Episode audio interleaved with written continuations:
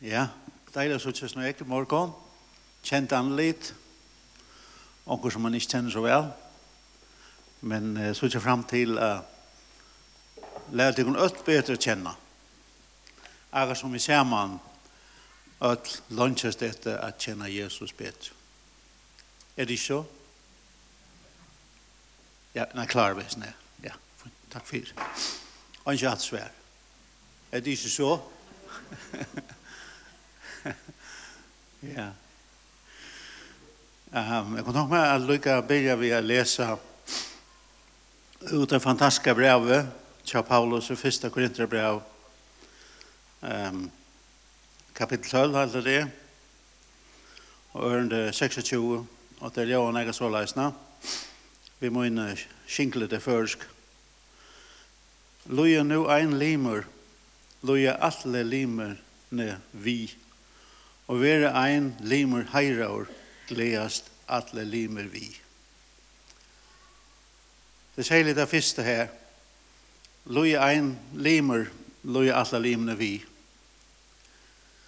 Jeg og Etna, vi var så avheppen, at vi renta hun så tidselig fast i korona. Og som de aller fleste vita, så tok det øyelig fast. Og da jeg nå sier at jeg tenker at jeg skriftet jeg fram, så det tog at uh, vi opplevde at jeg har store samkjensler vi også. Og det har alt stor tøytning at jeg tøytte til. Og at dette året gikk ut for åkken. Og jeg vågner det at nek ånne får oppleve at det eisen ganger ut for tøy tog jeg at da du er så leisende, så ytla fire. En så anker bare benka horen og du åpna horen utan fyrst enda en døra. Eller okkur anna, eller en blåma, eller en halsan, tjøk med Facebook, eller en telefon, eller knappleva benka horen, så stendar det lite kår utanför sink. Da du er alla langs nere. Nei, man orskar standa beinene, så er det så utrolig stor tøytning at om han ikke prøver det, så er det rævlig ringt å umynda seg hvor stor tøytning det er. Men nu kommer vi gledast, Så nu ber jeg å etna fruska, så nok lunta. Vi arbeider på det. Folk spyr meg ofte, hvordan er det? Så sier jeg, jeg arbeider på det.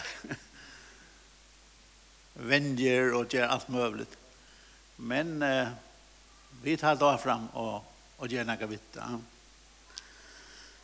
Så tack för förbön. Tack för vidjan, upprinningar, Facebook, allt möjligt. Ja, vi har inte varit allt detta.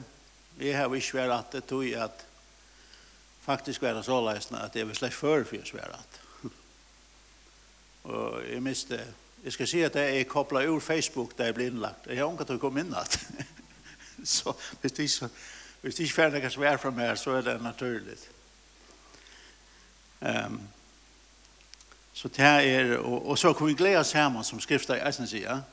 Ikke to jeg vil heire, eller vi vil heire, men vi kan glede oss sammen uh, om at Jesus er han han sier seg være. Amen.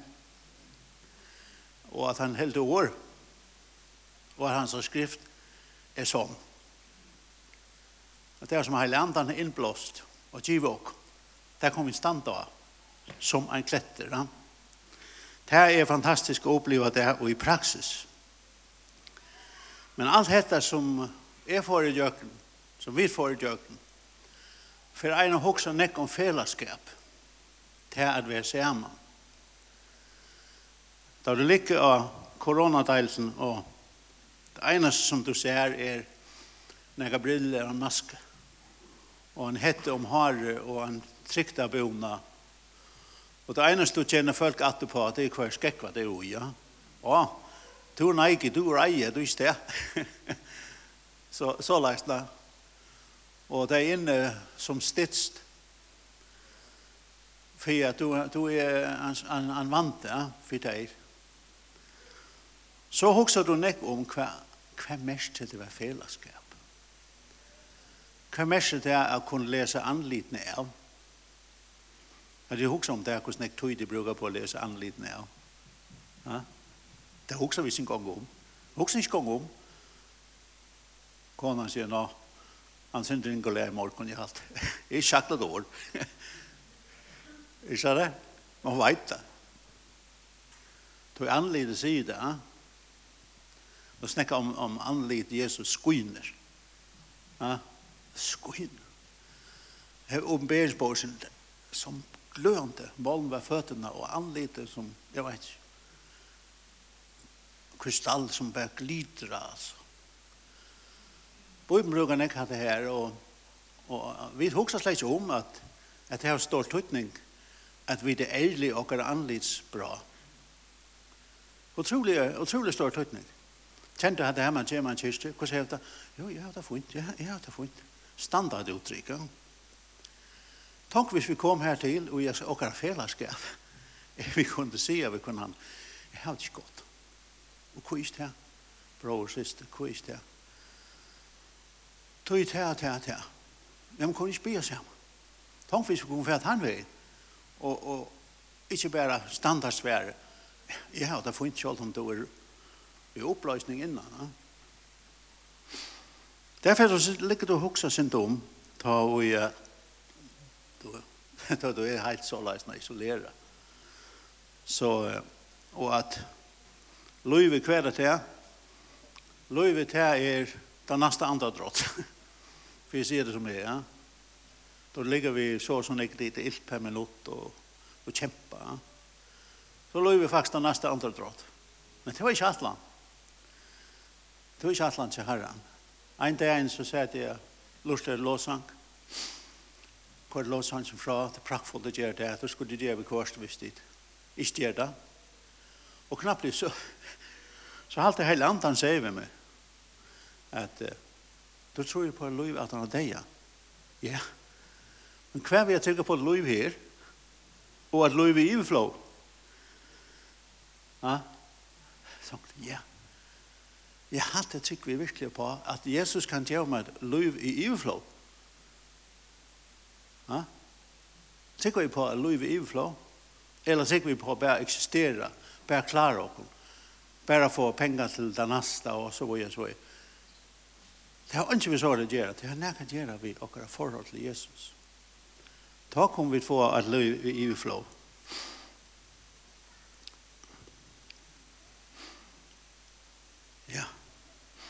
Og da kan jeg si at det kom, da saknar man fellesskap. Da saknar man fellesskap, man ligger så leist. Og man, det blir så dyra og å kunne sutja tikkara anlit og være sammen vi tikkum. Og, og hvis vi kunne, som en fellesskap, letja næga til viks, at det er som vi strujast vi, ja. At sutja kun annan anlit til anlit Og i 4 Korinthers brev kap kapitel 13 under 12 så sier, sier Paulus her, eller han skriver det, Nå sutja vi jo i en spegel oklart, men ta skulle vi sutja anlit til anlit. Nå kjenner vi, nå kjenner jeg bråton, men ta skal eh, kjenne til fullna, eins og jeg selv er til fullna kjenter. Det tar som herrene. Men tre og i tre Johannes brev, stendte ørende 13, så stendte, og den danske omsætning.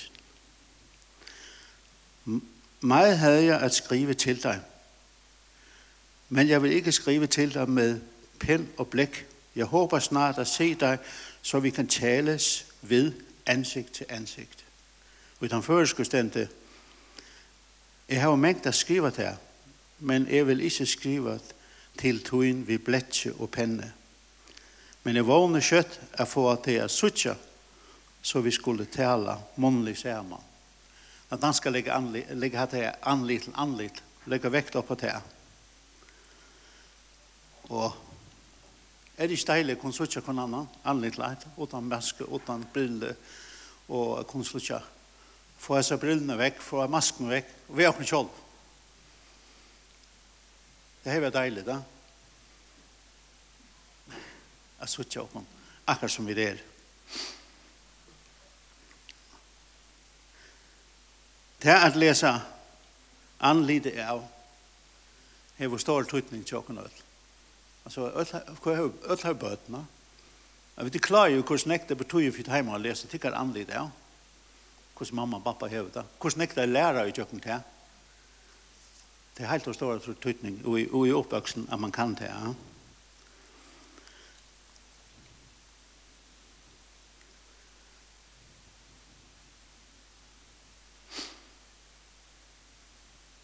Ja.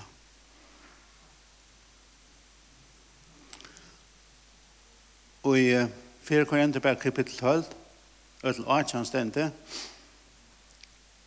Men nu har Gud sett limene og likam hver for seg, så leis som han vil det.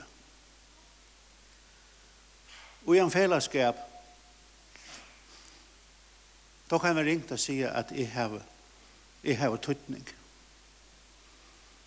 Jeg har tøtning for fellesskap. Tid har tøtning for fellesskap.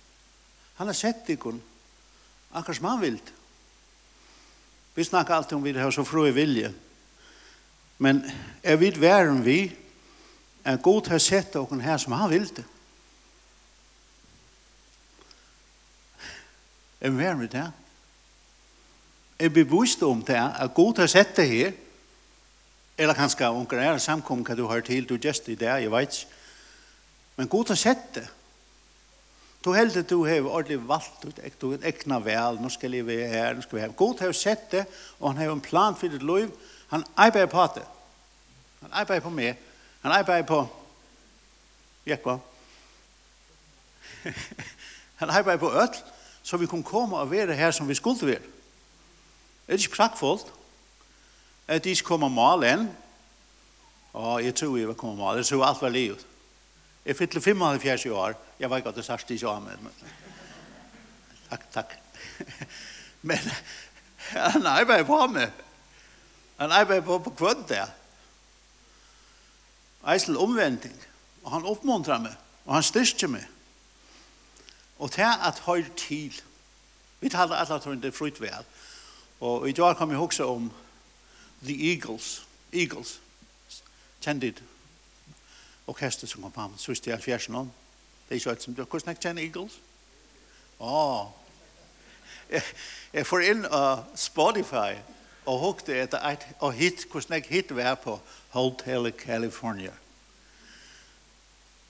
645 millioner.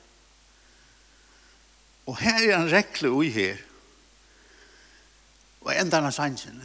Her sier han, you can check out anytime you like but you can never leave. Att det är en sanger som är öle omdiskuterad, det handlar om drogs, det handlar om berg, ett och annat. Men han sett ni som dam är så öle väl. Ja? Tui Johannes tutsi öle orta tjugo sier og er djeve honom ervit loiv. Han skal aldri alla ervi fortepast, og ånden skal ruive honom ur mun hånd, og i hånd og mun. Ånden. You can check any time you want, but you can never leave. Ja? Du kan godt sige, jeg orsker ikke samkom, jeg fast er. Men har jeg en ægler af det? You can check out any time you like, but you can never leave him. He will bring you back. Kanskje ikke her, jeg vet ikke.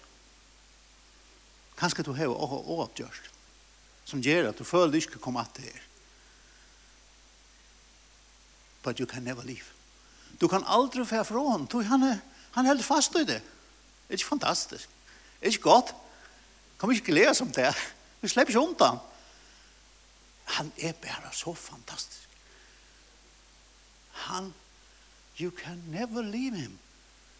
Han vil aldri slippe det. Ja, men jeg har just hatt det. Jeg har just hatt det. Helt du ikke han vet. Fantastisk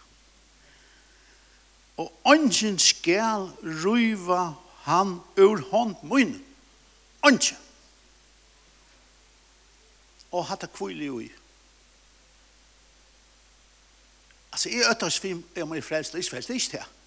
Men ta og jeg føler vi kvars som imisk, så er det fantastisk å vite. You can never leave. Hotel California. Altså, hvordan jeg hit har vi på dette skriftstedet her, jeg vet ikke, 300 milliarder, jeg vet ikke hvordan jeg, ha? Fantastisk. Så hvis du ikke har sett sånn her, Hotel California, så har jeg lyst til, teksten er sin snedig, men fenga det siste. fenga det siste, you can never leave. det damer godt, da. Fantastisk musikalt. ja, ja you can never leave. og første Johannes brev sier,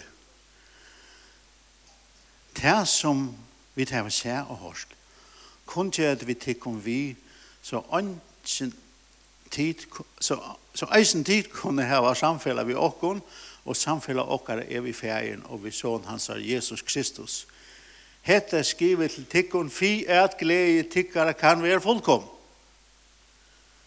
at det er samme samfunnet som vi har, vi færgene og vi sonen, det har vi kvann annan.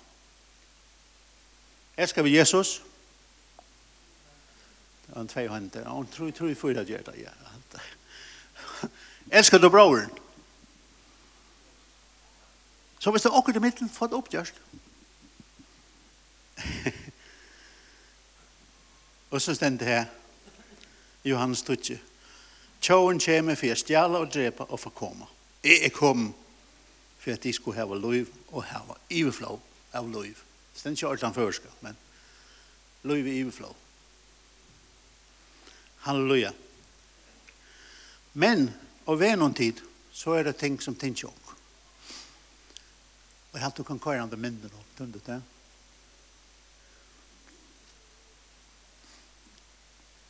Kjente du at det skjelte her? Ja?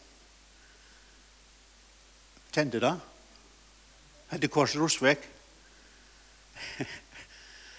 Rest bostukast. Kjente man heima, hadde jaten, hadde tre, hadde græs, hadde her i greina, hadde her i bildekk. Alt her som plås. Men så er det et eller annet en påse. Her er det da, jeg vet ikke hva det er, Rest restbostkast. Og det er alt mulig blandet sammen. Og i okkara svalarlig pås, svalarlig system, her har vi deisen sånn pås. Lesbost og kast. Ting som vi ikke klarer å takle. Vet ikke. Hva skal jeg gjøre? Orskis, orskis. Tive det Jesus. Tømmes meg. Nå er jeg sånn her påsa. Buff. Men her er tømmes. Her er jeg aldri Jesus. Nei. Uff. Nå er jeg påsa. Jeg får aldri bli en fyrtjiv. Nye påsen, vet du. Men veist du hva er nye som påsen? Lika eisen forskjellige andre ting som vi slett ikke var vi. Jeg var åtte år da pappa må inn døye. Øyelig dramatisk. Det skal jeg ikke detalje, skal gå inn og på. Han var bare vekk. Buff! Og nere kommer jeg, og i munnen bostekars la han på seg. Det er ikke pappa min. Jeg aner jo han om det. Jeg kjemper i bare. Jeg kjemper i. Jeg har unge firmen, han var fjerde. Jeg kjemper i. Gjør meg firmen, det er forskjellige ånd. For jeg ble han med over, ja. Det gjør man, hva er det du? Hva er det du? Og så møter Jesus. Halleluja. Det er best det er nægget tog hen. Det er nummer tve, tveit jeg møter etna. wow. Og så var det, da la jeg på sånn. Og Gud, han ville så gjerne jeg skulle slippe av ved det her restbordskartet. Han arbeid på meg. Men problemet var jeg tror ikke jeg kunne høre ham. Jeg tror på år hans, men jeg tror ikke jeg kunne høre ham beinleis. Men så kom jeg en omstøve, knapplig jeg, jeg hørte, og jeg tenkte, det må være god. Du skulle få onker bia for det i samband med papet og en døgn. Da har vi på med en dag i tredje år. Men jeg tenkte, da kom hatt derfra. Da måtte vi okker som ikke var i min sjål. Da måtte vi utenfra. Så måtte det være god. Nå er jeg bare for meg. Og dette er bare for. Så ble jeg først alltid til han kvølte på meg en dag dramatisk. Og så kom han rødt. Jeg tror et hørt. Jeg tror et hørt så kraftverdet. Og hva skal røttene sier? Pape tøyn er deg. Jeg er pape tøyn i himmelen. Tror ikke jeg fe. Wow, altså. Jeg var akkurat forløst, altså. Og henne bare fem minutter, jeg får gråte, altså. Men hva feil? Nei, nei, jeg klarer ikke å gjøre Men jeg kommer hjem til Etna, så sier han meg, hva er det hent, vet du? Hva er det hent? Fortell. Nei, nei, det var ikke kjærlig. Jeg kjenner alt det her det åker veldig hett, så sier man, nei, jeg var ikke særlig. Kjenner jeg, nei, jeg er ikke, kjent det. Og tog det så dør jeg bare, og jeg forteller det. Men så sier hun, ja, hva sier du det? Og så sier hun, det er helt fantastisk. Hva er hun sier? Du ble en heil. Yes! Du er funnet det av at den ultimative papi himmelen, papi himmelen, det var god i himmelen, ferie ferdig morgen Så leis ble han den påsen tidsi opp, sortera og ble rett plass. Han får ikke restbostekast. Og tid, vi tar ødel en påse vi restbostekast. Vi ødel møvlen som vi ikke finnes størst opp. Og min, min senast her til tikkun skal være at fær nye han den påsen, råta opp, Og hvis det er ting som det ikke, ikke kan vite, så sier Jesus, hjelp meg. Kan det ikke bli heil? Jeg vil så gjerne være heil. Jeg vil gjerne være han som du har alle med skal være. Og hvor sier alt dette?